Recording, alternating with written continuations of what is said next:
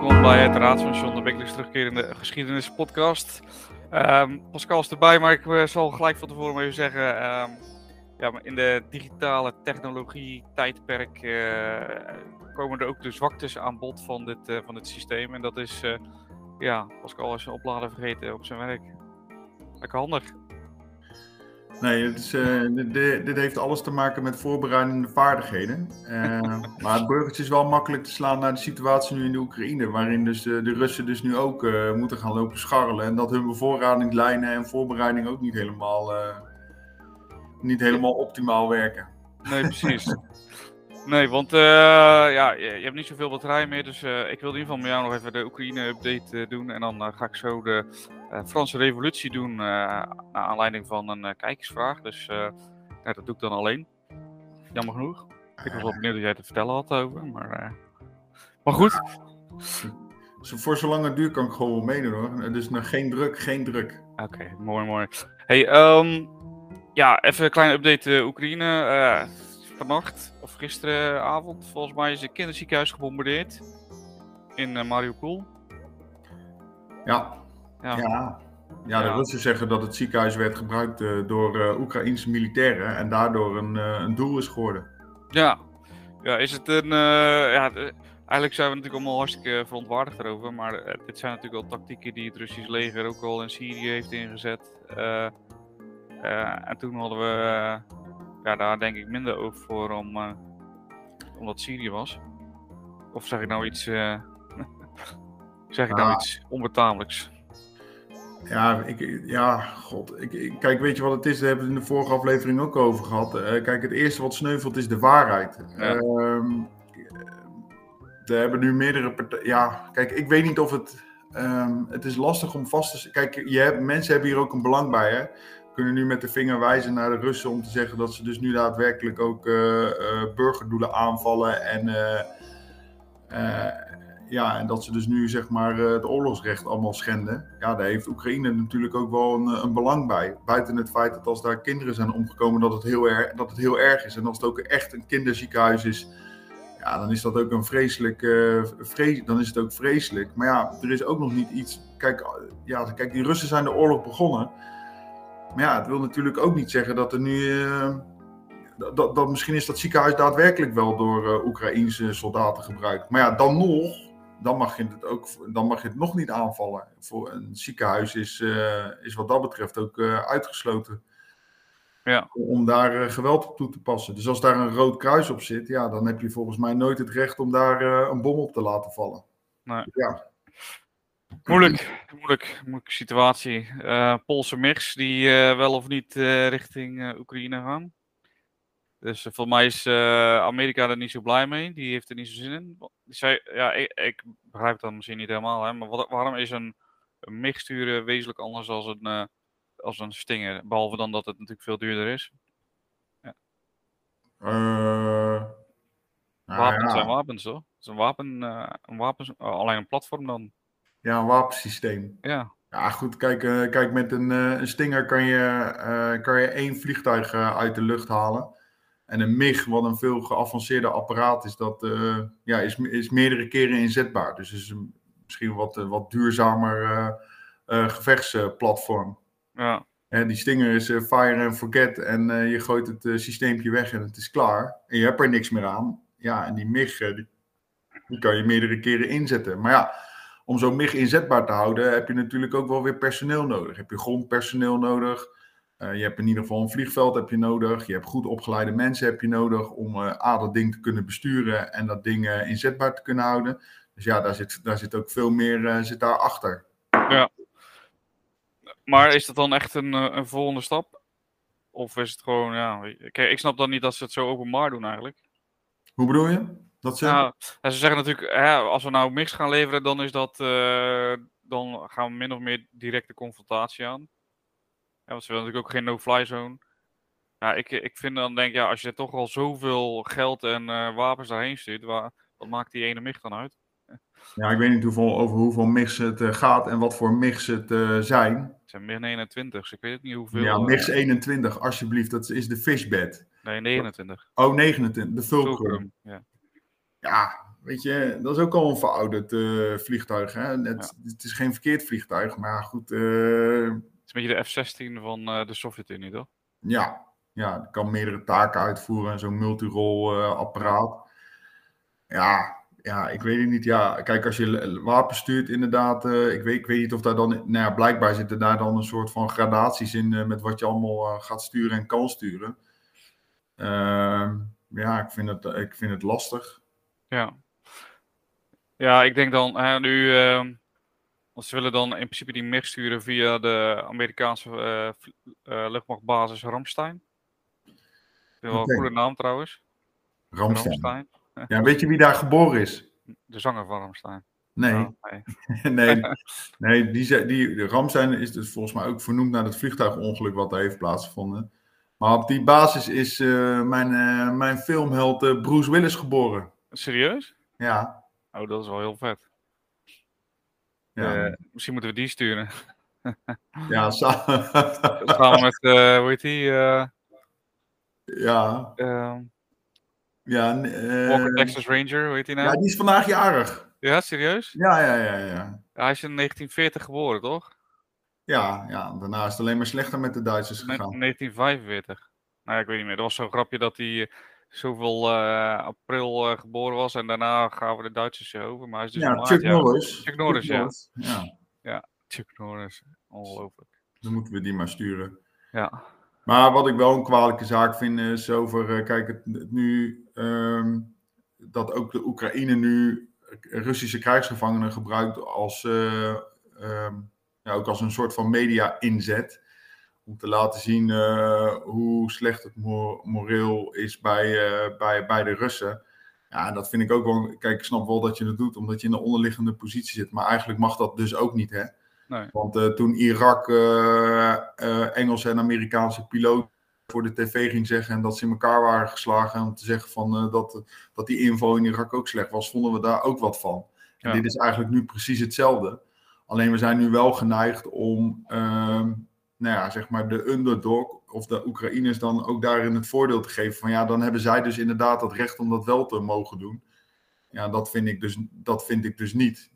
Ja, Kijk. Nou, dat is een, goe dat is een goeie. Hè? Ik bedoel, we zijn natuurlijk heel erg uh, in die zin aan de hand uh, van Oekraïne.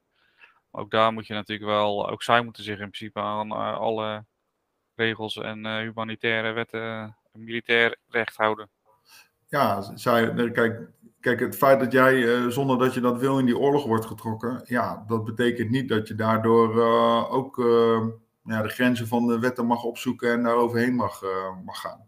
Ja, ja, ja. Alright.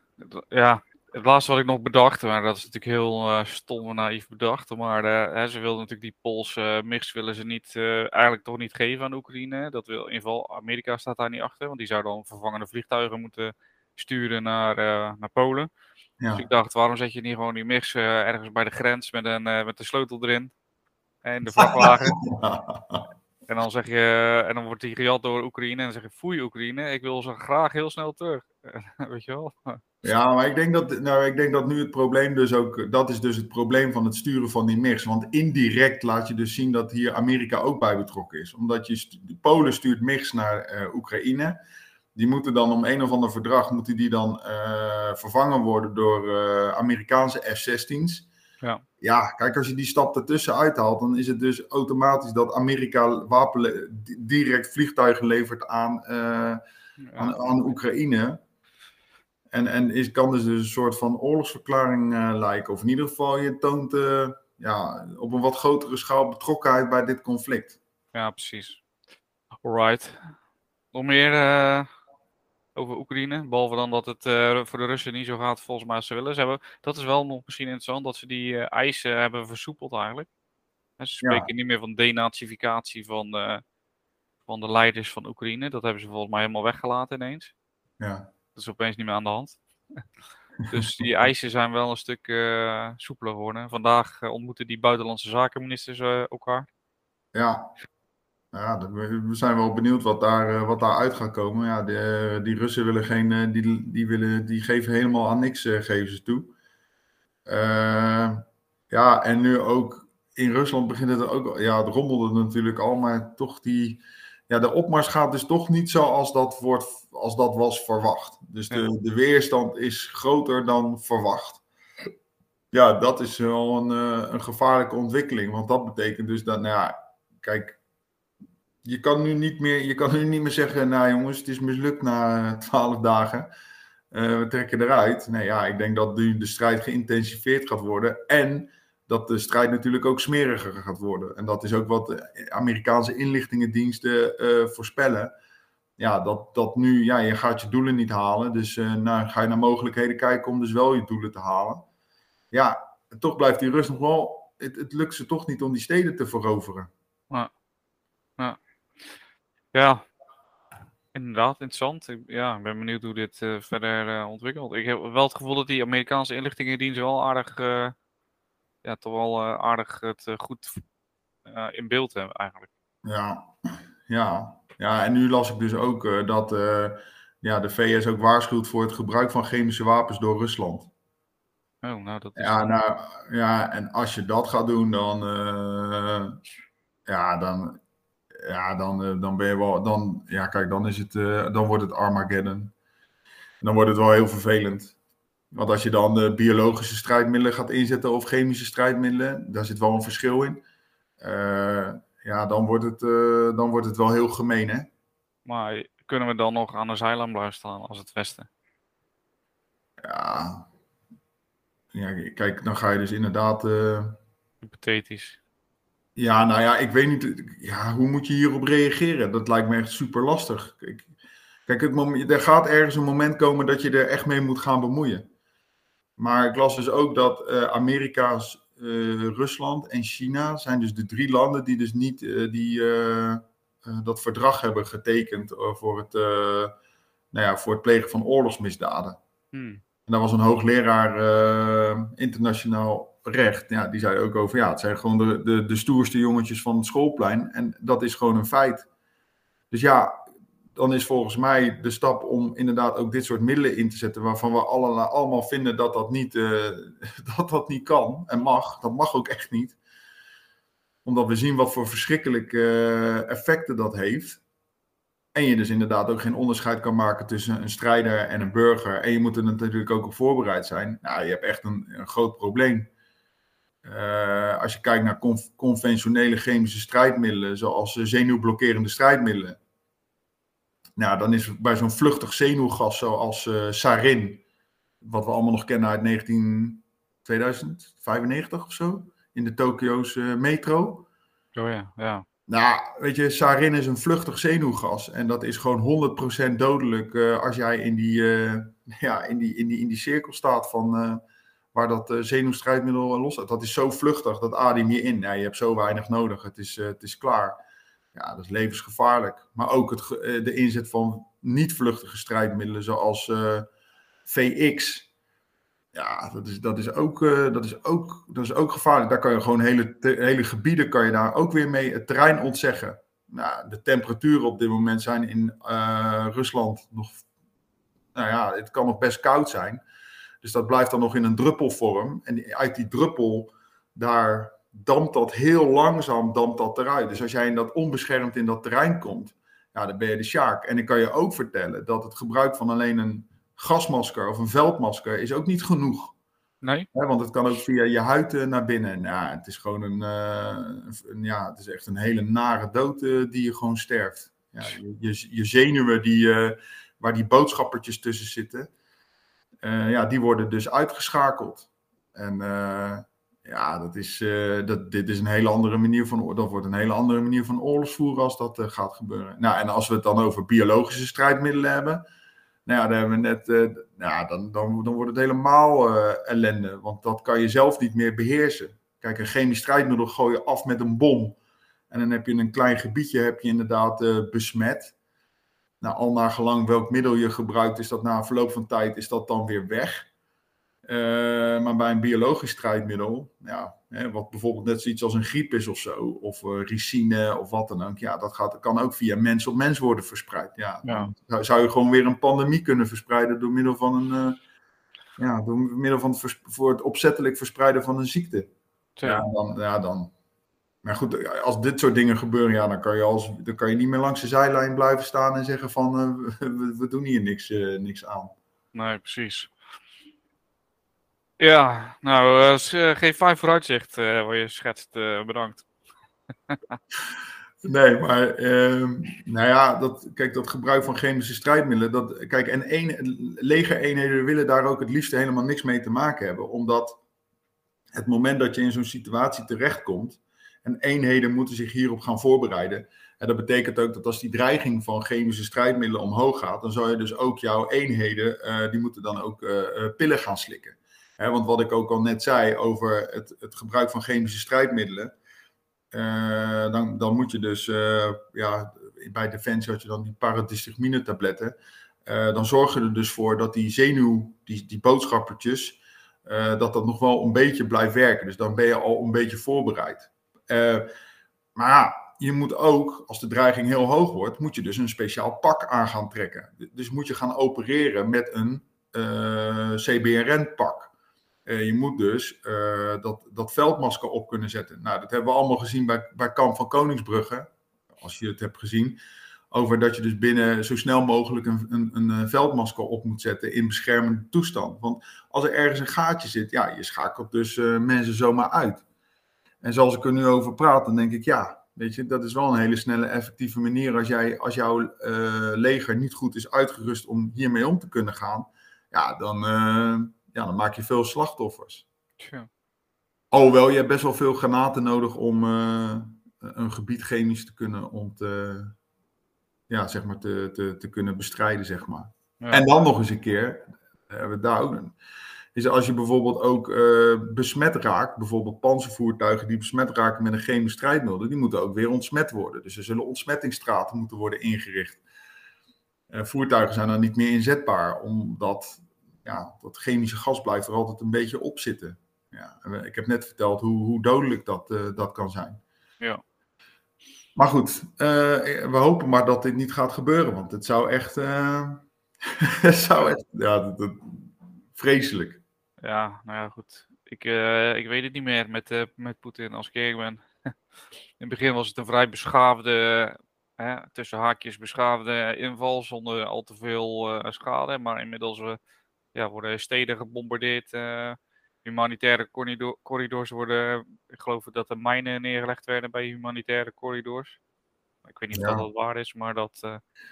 ja. Dus, ja. ja. hier zie je wel dus dat, kijk, uh, de doelen zijn niet gehaald. Ja, weet je, en uh, als jij je zin niet krijgt, want daar, daar lijkt het dan ook allemaal op, ja, dan ga je gewoon kijken van, uh, ja, ik wil gewoon mijn zin krijgen en dan ga ik gewoon alle middelen gebruiken waarvan ik denk dat dat mij helpt om, om mijn doelen te gaan halen. Ja. Ja, en als dat ook het gebruik van landmijnen is, ja, dat is echt, ja, ja, dan, is, dan wordt het, dan is het, we zeggen dat het smerig gaat worden, maar ja, dan is het het eigenlijk al. Ja. Als het waar is, hè, wat er dan gebeurt. Ja, nou, pittig. Heel pittig. Ja, een beetje moeilijk om nu een uh, goed bruggetje te maken naar uh, de, de vreselijke gebeurtenissen tijdens de Franse Revolutie. Nou, ja, vind je? Nou ja, eigenlijk ook niet, want uh, natuurlijk heel bloederig geweest. En, Nee, ik, ik, nou, ik zie het bruggetje wel zitten. En uh, ik weet niet of dat mogelijk is in Rusland. Maar goed, daar zit nu ook een soort zarenregime. Ja. Die, die een bevolking onderdrukt, klein houdt, niet zichzelf ontzettend verrijkt. Dus dat is eigenlijk een beetje hetzelfde als met het ancien, ancien nou, ik doe een cursus Frans, maar het lukt voor geen meter. Ancien regime, het oude regime. Ja. Ja, en op een gegeven moment, als jij een uh, burgerbevolking dusdanig manier uitknijpt, onthoudt van allerlei zaken, ja, dan ga je vanzelf een keer een, uh, ja, dan krijg je vanzelf een keer een rev revolutie. Dus ja, ik, ik, ik zie het bruggetje wel hoor. Ja, dat is, dat is mooi, dat is mooi. Ja, want uh, we kregen natuurlijk voor de vakantie, waarin we eigenlijk geen aflevering zouden maken, maar er toch twee hebben gedaan, um, kregen we natuurlijk de vraag van hoe zit het met de Franse revolutie? Van, van Enzo en die ja, die wilde daar graag meer over weten. Dus ik denk, nou, uh, ik dacht eigenlijk, uh, laten we dat gewoon doen. Toen ja, de oorlog uit. Maar... Franse revolutie, ja, uh, eigenlijk wat je zegt, hè, um, als we kijken naar wanneer die plaatsvond in de 17e, 17e 18e eeuw. ja, dan zie je eigenlijk dat, dat de verlichting daar een heel groot aandeel in heeft. En de verlichting is natuurlijk een, een, ja, een wezenlijk belangrijk onderdeel in eigenlijk heel Europa's en misschien wel de werelds ontwikkeling. In de zin van dat we natuurlijk in die tijd zijn, uh, is Europa gaan beginnen met het experimenteren op basis van wetenschap en minder naar religie kijkend. Ehm, en dat komt natuurlijk, uh, of dat komt natuurlijk, als, als voorbeeld heb ik, is daar bijvoorbeeld de aardbeving van Lissabon in 1755, die plaatsvond. Uh, dat was een best wel grote aardbeving, veel ellende die daar, wat daar veroorzaakt werd door die aardbeving. ja, en heel veel mensen die daar leefden en natuurlijk in de wereld, vonden, ja, die dachten dat is de straf van God. Hè. Dat is, we hebben het verkeerd gedaan en God die straft ons. Uh, maar de Franse schrijver Voltaire, die, ja, die vond het toch anders. Die dacht er moet een andere verklaring zijn voor dit. Hè. Het kan niet zijn dat wij allemaal proberen heel goed te leven en heel vroom te leven. En dat er toch dan dit soort dingen gebeuren. dus die, ja, die ging eigenlijk een beetje kijken hoe komt die aardbeving nou?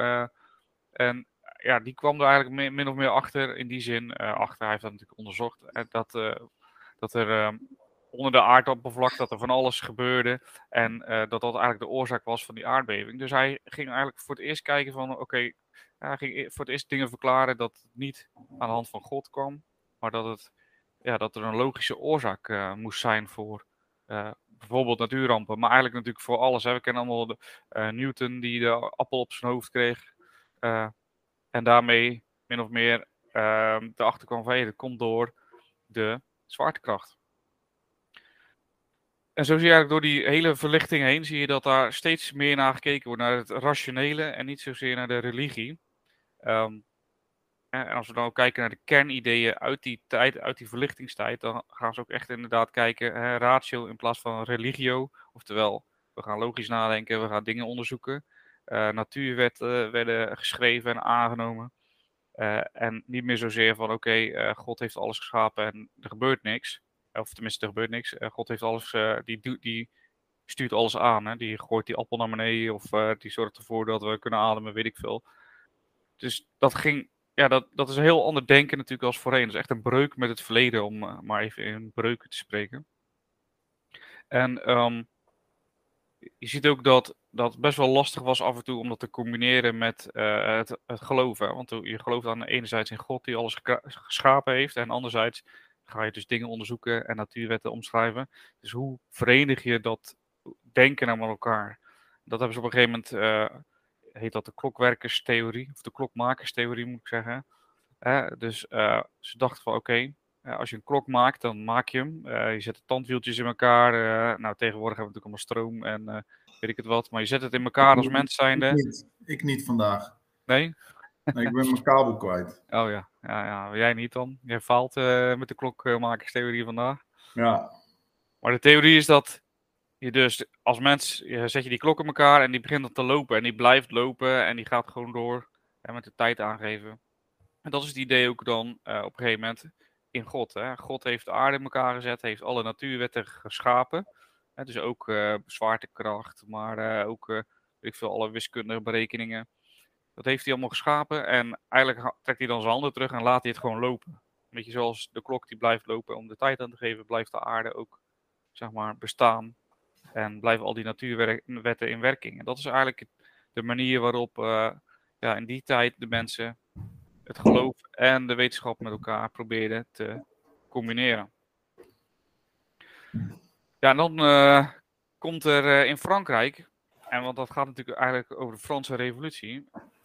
Um, ja, dan moet je goed kijken naar wat is er nou aan de hand. Hè? Wat, zijn nou de, wat is nou de politiek en uh, ja, wat de politiek-economische omstandigheden waarin deze um, revolutie heeft plaatsgevonden?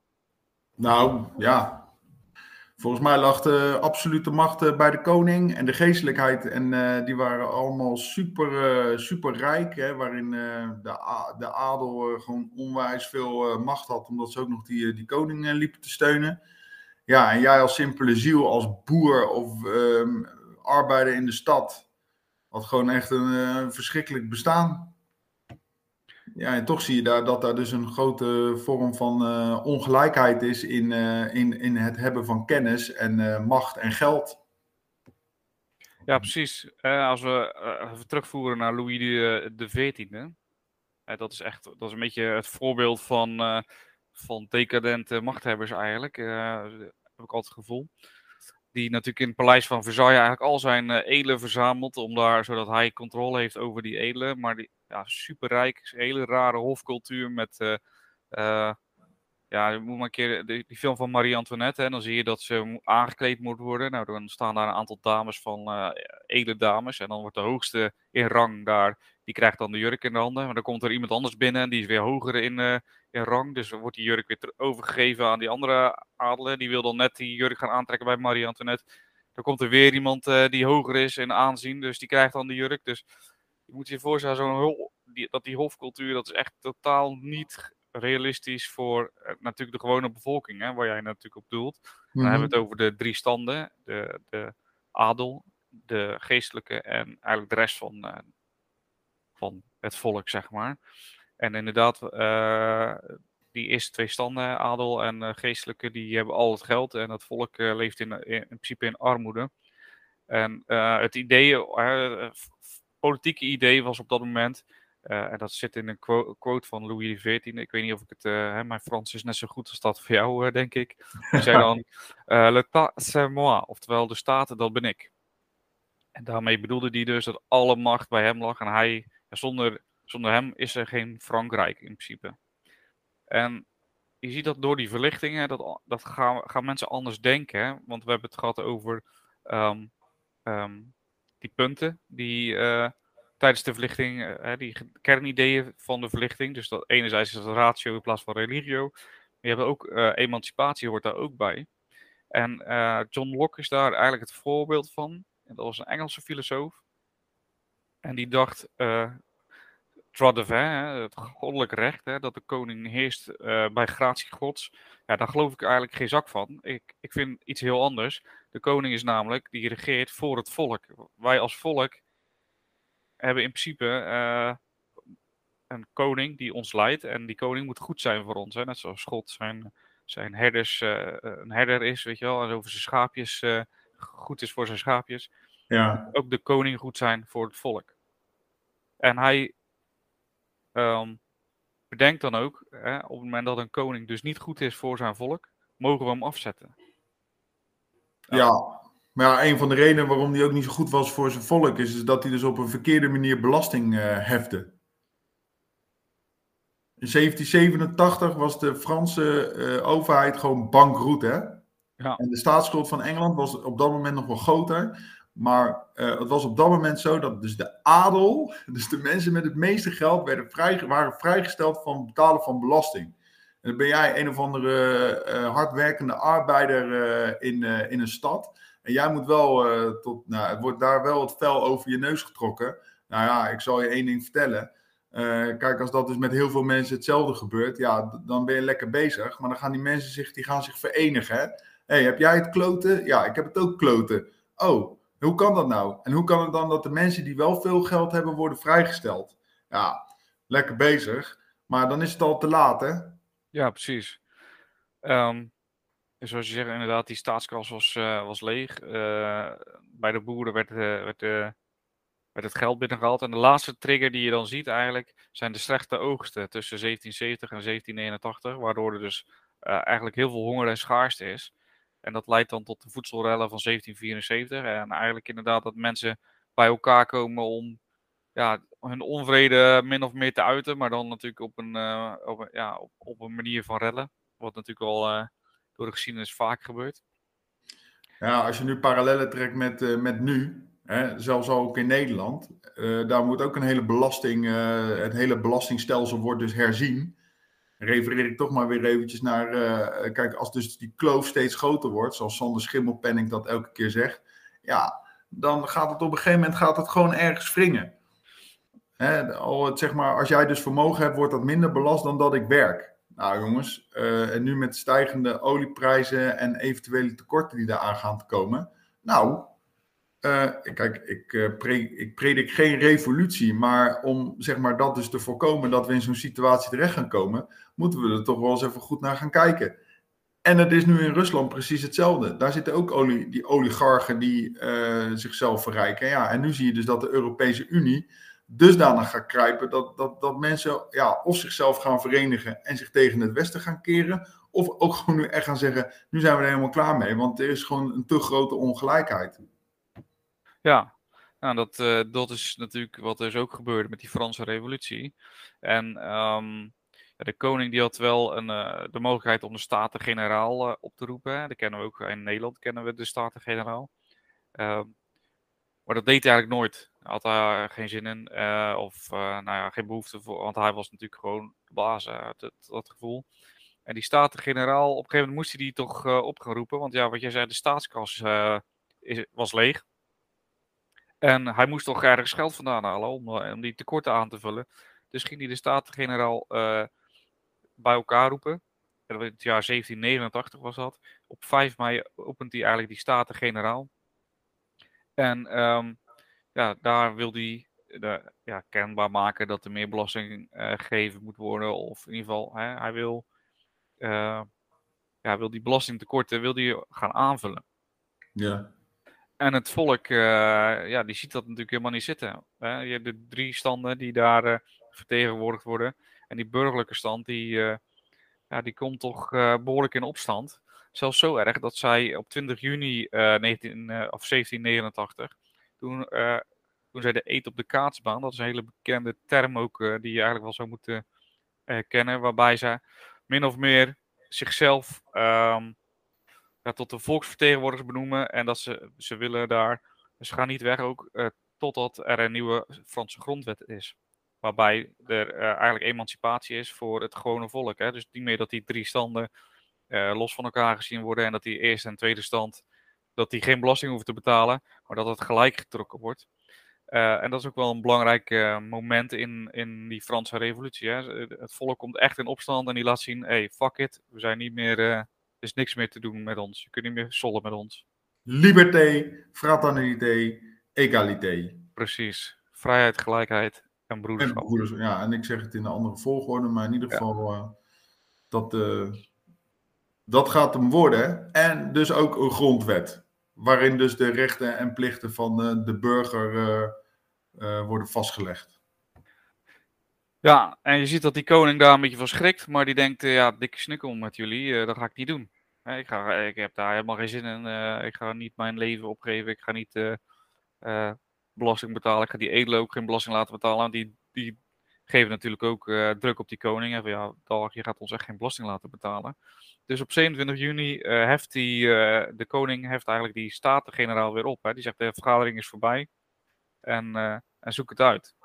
Dan escaleert eigenlijk het hele zaakje. Ehm, met natuurlijk de val van de Bastille als bekendste voorbeeld hè, op 14 juli 1789 ja, 14 juli 1790 zien we dan dat uh, de Bastille valt. En de Bastille, dat is een uh, ja, grote, min of meer gevangenis. Uh, en die staat eigenlijk symbool, hè. die gevangenis staat symbool voor de monarchie en de tirannie van de koning, de Franse koning.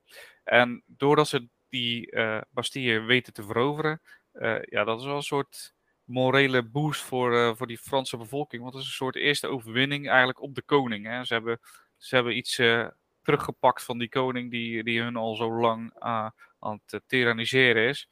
En um, ja, het schijnt dat, dat, dat die ja, hoofdbewaarder van uh, Bastille heeft gezegd op een gegeven moment van, ja jongens, oké, is goed, weet je, jullie mogen de Bastille hebben als je ons, als je maar niks doet met ons, hè, onze bewaarders. Nou, de bevolking had gezegd, ja, is goed jongen, goede deal. Nou, hij deed de poort open en uh, volgens mij, ik weet niet of ze allemaal onthoofd zijn, maar ze, zijn in ieder geval, eh, ze hebben het niet overleefd, de bewaarders. Nee, ja, en er zat ook, er, zat, er zat ook bijna niemand gevangen, hè? Nee, een paar, ja, vier valse munters, twee krankzinnigen en de graaf van Solars, mogelijke seksueel delinquent, opgesloten op kosten van onze familie, werden triomfantelijk bevrijd. En uiteindelijk die krankzinnigen werden weer later opgesloten in het asiel de Champ Carenton. En uh, ja, uiteindelijk, en dat vind ik dan wel weer mooi, hè, dat is het stukje storytelling. Uh, ja, dat je dit dus uh, inderdaad gebruikt als de, de, ja, de, de, het begin van het nieuwe, nou ja, het nieuwe regime, of in ieder geval de gelijkheid, broederschap en vrijheid, broederschap en gelijkheid. Gelijkheid, ja. vrijheid en broederschap dat dat dus helemaal uh, eigenlijk uitmondt van ja, op die dag is het begonnen. Terwijl het eigenlijk allemaal wel redelijk meevalt. Maar dat is dus nu het, uh, ja, de besteden is dus nu het, uh, het teken. Het, het, teken. En 14 juli is natuurlijk, ik denk, een van de belangrijkste feestdagen in, in Frankrijk. Waarin ze met militaire parades een eerbetoon doen aan, aan die dag. Dus het einde van de onderdrukking door het oude regime. Ja, en eigenlijk is dat. Uh, ik, ik weet nog dat ik in. Uh, ik weet niet of jij toen nog ook in de opleiding zat, maar toen we de Franse Revolutie kregen, toen gaf de docent toen aan van. Eigenlijk is het gek voor woorden dat we dat vieren, want ja, na de, die val van de Bastille en uiteindelijk de, de, gedurende de loop van de Franse Revolutie, waarbij honderden, zo niet duizenden mensen onthoofd zijn, is, het dan, is dat dan echt wel. Um, ja, is het dan wel een datum die je moet vieren, zeg maar? Ja. Nou ja, dat is een interessante vraag. Maar ja, goed, een uh, dochter docent met, uh, kijkt dus nu met historische distantie terug naar, uh, naar deze periode.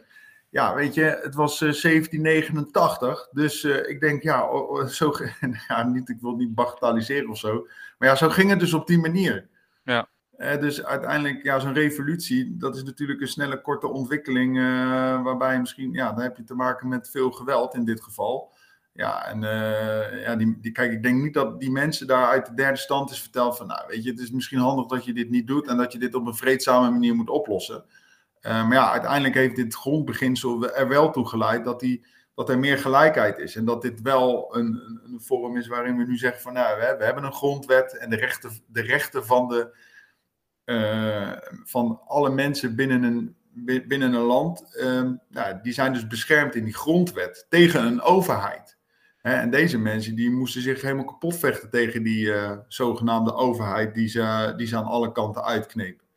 Ja, en dat mensen daar dus een uh, onvrede op hebben botgevierd door mensen inderdaad te onthoofden.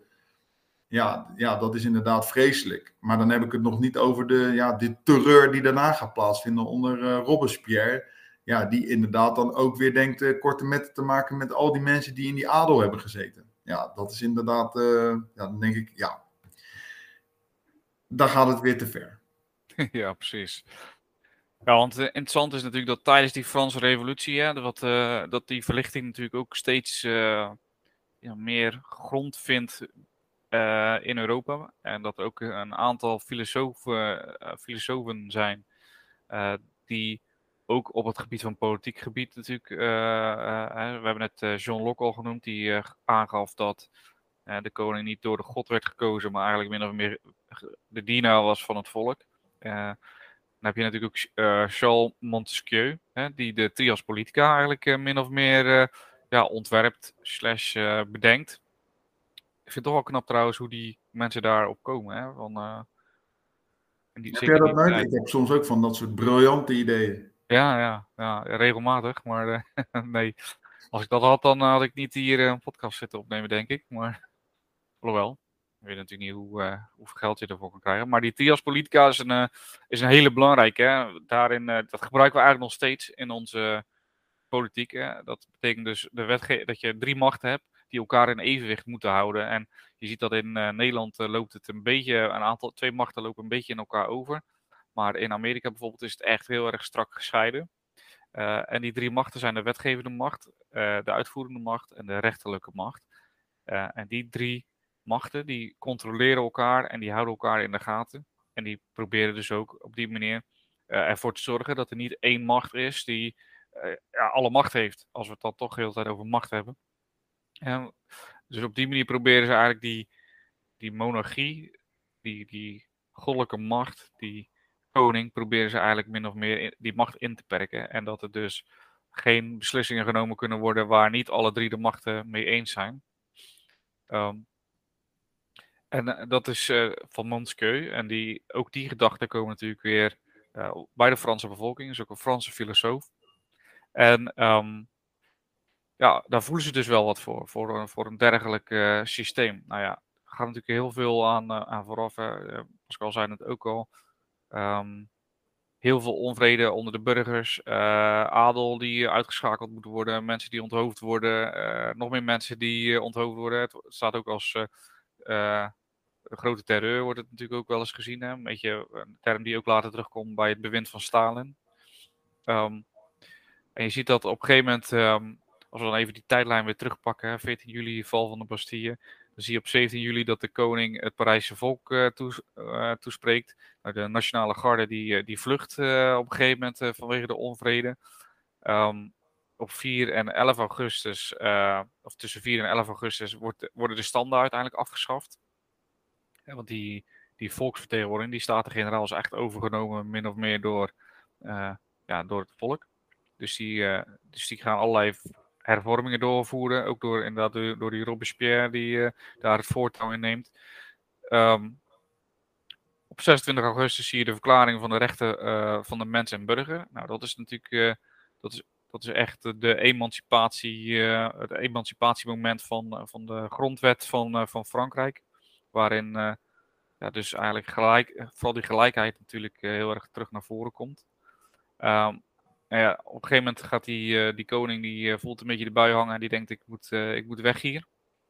En die wordt opgepakt. Dus op 5 oktober worden de koning en zijn gezin worden met geweld eigenlijk opgepakt en naar Parijs gehaald. En uiteindelijk verliest ook de koning zijn hoofd. En zijn vrouw ook overigens. Um, ja. En dan zie je dat er eigenlijk een soort machtsvacuum is. Hè? Ook die Robespierre, die uh, als zo'n volvechter wordt, eh, was van gelijkheid en uh, zoveel mogelijk mensen probeerden te onthoofden die daartegen werden, die op een gegeven moment krijgt ook de guillotine, um, dus die wordt ook onthoofd. Er valt dan toch een soort ja, machtsvacuum, dus een beetje ongestuurd. Hè? Ondertussen is Frankrijk ook in, in oorlog met zo'n beetje heel Europa beland. En dan is daar een, een ja, ze zeggen een kleine generaal. Jonge Corsicaan. Ja, ze, ze, zeggen kleine generaal, maar hij schijnt voor, zijn, voor die tijd eigenlijk heel lang te zijn geweest. Hij een, ik geloof dat hij 81 was of zo. En dat was voor die tijd vrij lang. En dat was Napoleon. Ja, dat is toch weer die Engelsen, die hem dan toch weer afschilderen als ja, als klein, weet je wel. Dus dat is toch een beetje imagovorming uh, gaan doen over, uh, over zo'n man. Dat is ook wel weer lullig, hè? Ja, precies. Sorry, hij, is een, hij was 1,70 meter ongeveer. Maar dat was voor die tijd was dat vrij lang. Hè? Als we kijken naar een, een tijdgenoot, dan was die, die was 1,60 meter bijvoorbeeld. Dus eigenlijk voor zijn tijd was hij vrij lang. Um, ja, die Napoleon eigenlijk uh, met, een met een paar uh, ja, goede veldslagen. Hij toont zich een, uh, een ja, goede, tactisch, goede tactisch inzicht dat hij dat heeft. En hij pakt eigenlijk die macht, maar wel die waarde van hè, vrijheid, gelijkheid, broederschap. Um, dus dat is wel een beetje interessant natuurlijk om te zien dat enerzijds hij zich een beetje opgooit als absolute machthebber, maar hij wil wel die die normen en waarden eigenlijk verspreiden. En dat doet hij dan ook uh, eigenlijk in heel Europa. Uh, heel Europa, een aardig groot deel. Door zijn veroveringen. Dus die Franse revolutie, ja, die, die zorgt voor ja, best wel veel opschudding in de wereld. En dat is ook de kenmerk van een revolutie. Dat is een, ja, een grote verandering op, op het gebied van politiek geloof of cultuur. Nou ja, in dit geval volgens mij een beetje van allemaal. Dus ja, Franse revolutie. In een notendop. In een notendop, ja. Ik weet niet of we er nog iets uh, zinnigs over kunnen zeggen verder. Nou ja, eigenlijk wel. Kijk, ik, ik vind uh, dat deze Franse revolutie, waarom is die zo belangrijk? Ja, het is wel een beetje, het is het begin van zeg maar ook de wereld waarin wij dus nu uh, leven. Waarin we dus uh, waar we eigenlijk nog dagelijks mee, mee te maken krijgen. En dat zie je ook bij bijvoorbeeld de, de, de, het corona. Ja, uh, kijk, ik heb dus nu als burger, als inwoner van een land, heb ik dus nu rechten. En hebben we dus een grondwet waarin ik dus beschermd ben tegen de overheid. En waarin ook staat geschreven dat de overheid mij dient te beschermen. Nou, dat zijn best wel. Daar hebben we dus nu, heden ten dagen, hebben we daar nog plezier van. Maar er is op dit moment ook gaande dat dat, dat dat aan alle kanten weer wordt aangetast. Wat, wat zijn mijn rechten en plichten als burger? Moet ik me wel of niet laten inenten? Uh, en dat ik dus het recht heb om me niet te hoeven in te enten. En dat je dus ziet dat overheden er op dit moment ook heel erg mee uh, aan het worstelen zijn. Van ja, tot hoever kunnen we daarheen gaan? Dus dat krachtenspel tussen een overheid en een burger. Uh, ook, nou, ook het hervormen van, van belastingen. Ehm, ja, je ziet dat dat, dat, dat nu heden ten dagen nog, nog steeds speelt. Dus, uh, en dat het daarvoor, als we het uh, al heel erg belangrijk als eikpunt nemen, dat het daarna allemaal beter is geworden. Maar dat is het natuurlijk ook allemaal niet. Want ja, we hadden wel gezegd vrijheid, blijheid en gelijkheid. Of fraterniteit, broederschap, gelijkheid en... nou, gaat, het gaat niet goed. Vrijheid, broederschap, en vrijheid, gelijkheid. broederschap en gelijkheid, ja. Maar dat was gelijk na die Franse revolutie ook niet het geval hoor. De mensen moeten natuurlijk ook niet denken dat die burgers en, uh, en boeren en buitenlui in één keer allemaal uh, verschrikkelijke vrijheden hadden. Nee, uh, dat is ook maar. Dat is de, kijk, uiteindelijk is daar wel veranderd dat, dat die belastingen moesten worden herzien. Maar uiteindelijk waren dat ook nog steeds, die waren ook nog steeds horig aan, aan, aan iemand van de adel. Maar goed, die, die positie is dus wel langzaam verbeterd. Ja, dat heeft natuurlijk nog wel, denk ik, twee eeuwen geduurd. Uh, dus je ziet dat het lijkt heel snel zo'n revolutie, maar uiteindelijk hebt dat in zo'n geschiedenis nog best wel lang na. Ja, en als je kijkt, ja, volgens mij zijn we er nu nog lang niet. Maar je ziet nog steeds dat er landen zijn waarin, waarin het helemaal niet goed is geregeld. Hè, kijk maar naar Rusland. Uh, we hebben net gezegd dat zo'n grondwet, ja, dat moet, dus, dat moet dus de burger, het individu, beschermen tegen, tegen een overheid. Nou, als we dus nu naar Rusland kijken, ja, dan denk ik, nou, die, zijn, eh, die, die, die zitten nog in 1788, waarin burgers totaal niet worden beschermd. Hè, waar mensen worden opgesloten omdat ze anders denken of dat ze nieuws verspreiden op een, uh, die, die een overheid niet aanstaat. Nou, jongens, ik denk dat ja, wat dat betreft hebben we dan nog helemaal niets geleerd van de geschiedenis ja, dan zou je toch eens moeten gaan kijken naar hoe macht dus mensen dusdanig beïnvloedt dat ze het nodig achten om gewoon een compleet uh, land te onderdrukken.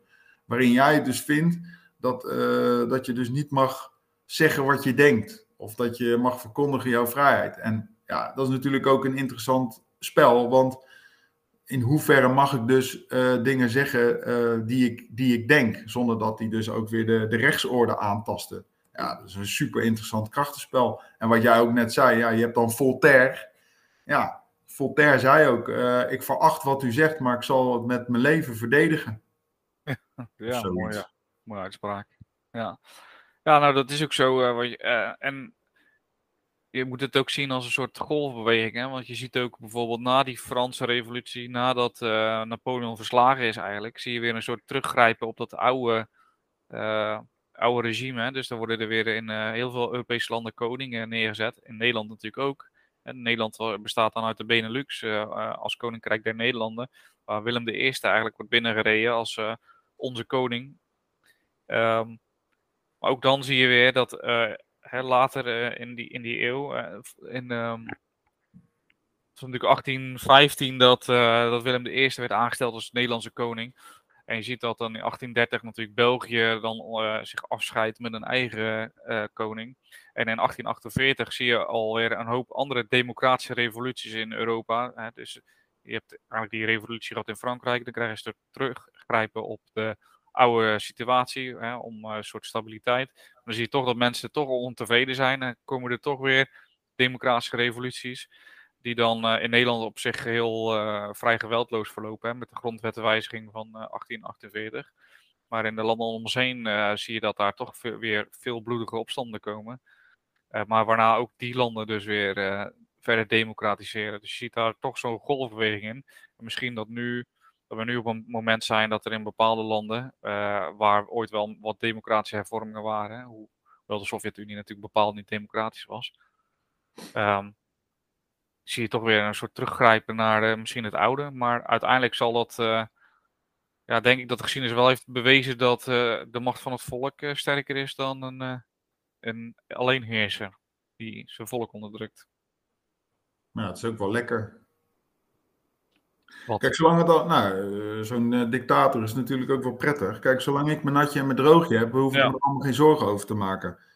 Maar zodra mijn vrijheden worden ingeperkt en ik heb ook nog eens een keer te maken dat ik niet eens een brood kan halen, of dat ik voor een volle tank benzine 110 euro erin moet gooien, dat ik dat ook niet meer kan betalen. En dat het nu op dit moment, uh, zeg maar, het is, het, is, het is eigenlijk beter om je ziek te melden dan naar je werk te gaan omdat de brandstof die ik erin moet gooien in bij lange na niet wordt vergoed door de werkgever, ja, dan gaat er dus echt iets niet goed. Ja. Dan gaat er dus echt iets niet goed. Ja, ik hoorde ook gisteren van uh, als je een, het ligt aan hoe groot je tank van je auto is natuurlijk, maar je kan beter tanken en wegrijden en niet betalen, want dan krijg je een boete en die is goedkoper dan een volle tank. Ja, ja. Dat nou, zijn natuurlijk, uh, ja, daar gaat er iets niet goed. Ja, maar, de, maar ja, er, er, er gaat dus echt iets niet goed.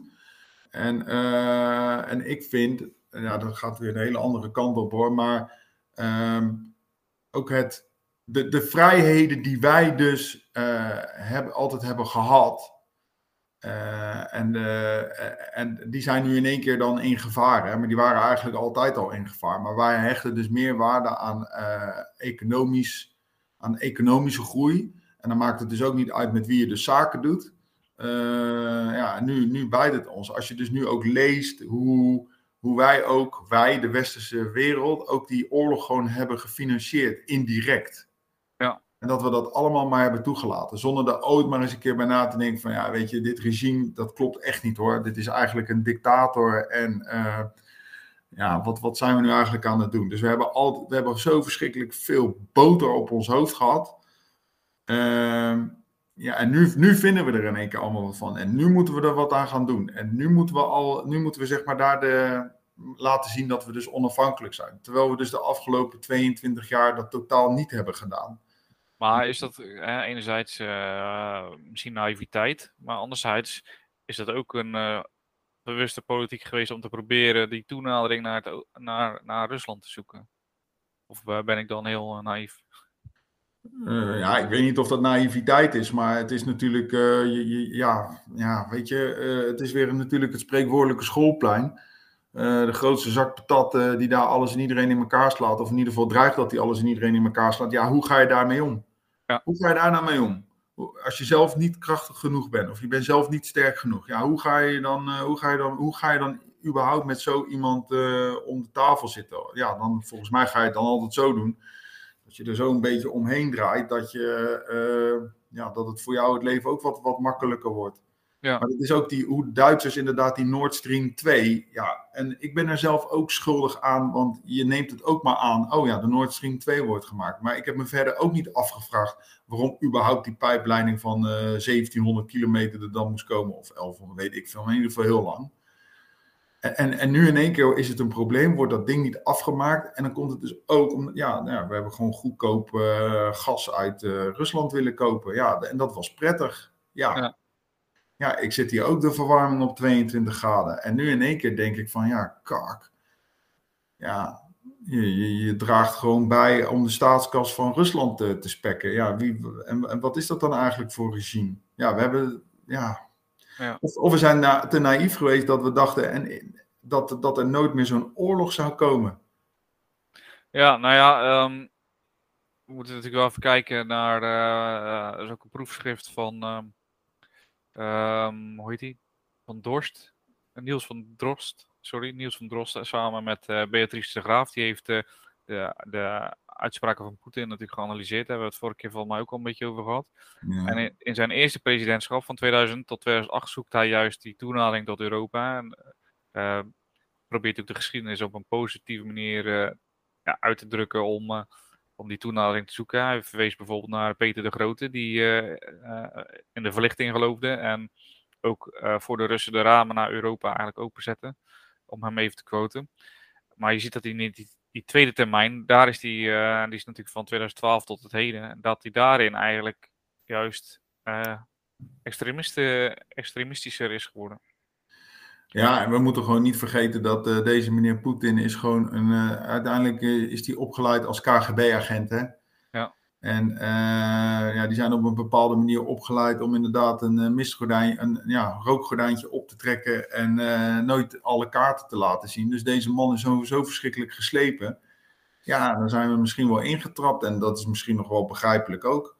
Ja. Uh, ja, en nu, uh, ja, ik weet niet wat hij nu denkt, maar nu denkt hij van, uh, nou, dit is, dit, dit, we hebben nu genoeg, we hebben genoeg poen, we gaan het doen. Ja, dus voor hem, ja. het blijft gewoon heel erg lastig. Het, het, blijft gewoon heel erg lastig. Ja, en nu gaan wij ook de gevolgen ervan van, van ondervinden. Maar wat ik het allerbelangrijkste vind, en dat is natuurlijk ook in de relatie naar de, naar de Franse Revolutie ja, weet je wel, het, dus inperken van jouw grondrechten en het, uh, ja, zeg maar, het, dat, dat, dat, dat, inderdaad een overheid zich steeds meer met jouw privé gaat uh, bemoeien of reden, weet je wel, dat, ja, ik vind dat in Nederland nog niet zo heel ver is, maar uh, ik vind wel dat er, net als met die trias politica, wat inderdaad een mooi systeem is, dat ik, ja, ik wil me ook vertegenwoordigd voelen. En ik wil ook dat als, het, uh, dat als, als inderdaad de, de overheid de overhand krijgt en je inderdaad daadwerkelijk je vrijheden gaat inperken, dat, dat we dus ook op een fatsoenlijke manier, zonder dat we hoofden ervoor moeten afhakken, uh, mijn gang naar het recht om inderdaad recht te doen aan het inperken van die vrijheden of wat dan ook, dat, dat, dat ik altijd als burger in staat ben om dat te blijven doen. En dat is echt zo'n verschrikkelijk groot goed, waarvan wij dus ook in Nederland ook onwijs van in slaap zijn gesust, dat, het, dat de vrijheden die wij hier hebben in dit kleine stukje Nederland waar wij wonen, dat dat zo verschrikkelijk groot goed is, waarvan ik zeg, ja, dat moeten we ten alle tijden, op welke manier dan ook, moeten we dat kunnen blijven verdedigen. Ja, ja helemaal eens. Het is ook wel uh, ik weet, heb je gisteren toevallig het verhaal van Nederland uh, gekeken? Uh, nee, ik zit op gitaarles en ik heb gisteren gitaar gespeeld. Dat is ook leuk.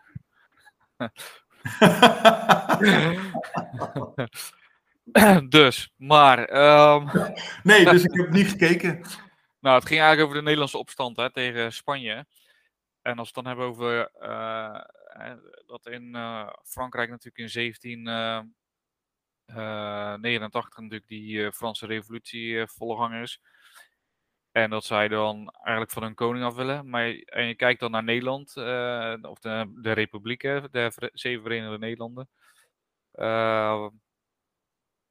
dan, dan, zie je eigenlijk dat wij dus al een aantal honderd jaar voorlopen, of ja, 200 jaar voorlopen. Hè? Want in, ja, met de, met de de Nederlandse opstand hebben wij onze koning uh, Philips II hebben wij natuurlijk afgezworen. Ja, eerlijkheidshalve zijn we wel op zoek gegaan naar een nieuwe koning, maar die is er nooit gekomen. Dus gingen we het zelf maar besturen. En die, die, dat sentiment van we gaan het zelf doen, de burgers besturen min of meer. burgers is relatief natuurlijk. Het ging natuurlijk wel om de gegroeide burgers hè, met, met geld in eerste instantie. Maar goed, dat, dat zelfbestuur, dat zie je ook weer terugkomen op een gegeven moment als het niet zo goed gaat, hè, na de Gouden Eeuw uh, met Nederland. Uh, rond 17, uh, ja, in, tussen 1700 en 1800 zie je dat eigenlijk Nederland teruggaat naar een tweede rangs en misschien wel zelfs een derde rangs land, hè, dus geen grootmacht meer. Dan zie je natuurlijk weer een hoop mensen die eigenlijk terug wilden naar de oude situatie. Nou, we, we hebben dan Willem V op een gegeven moment aan de macht als ja, stadhouder heet het dan nog. die gaat zich steeds meer gedragen als koning in plaats van legerleider. En daar gaan mensen zich vreselijk aan irriteren. En dan zie je dat daar een groep is die noemen zich de patriotten.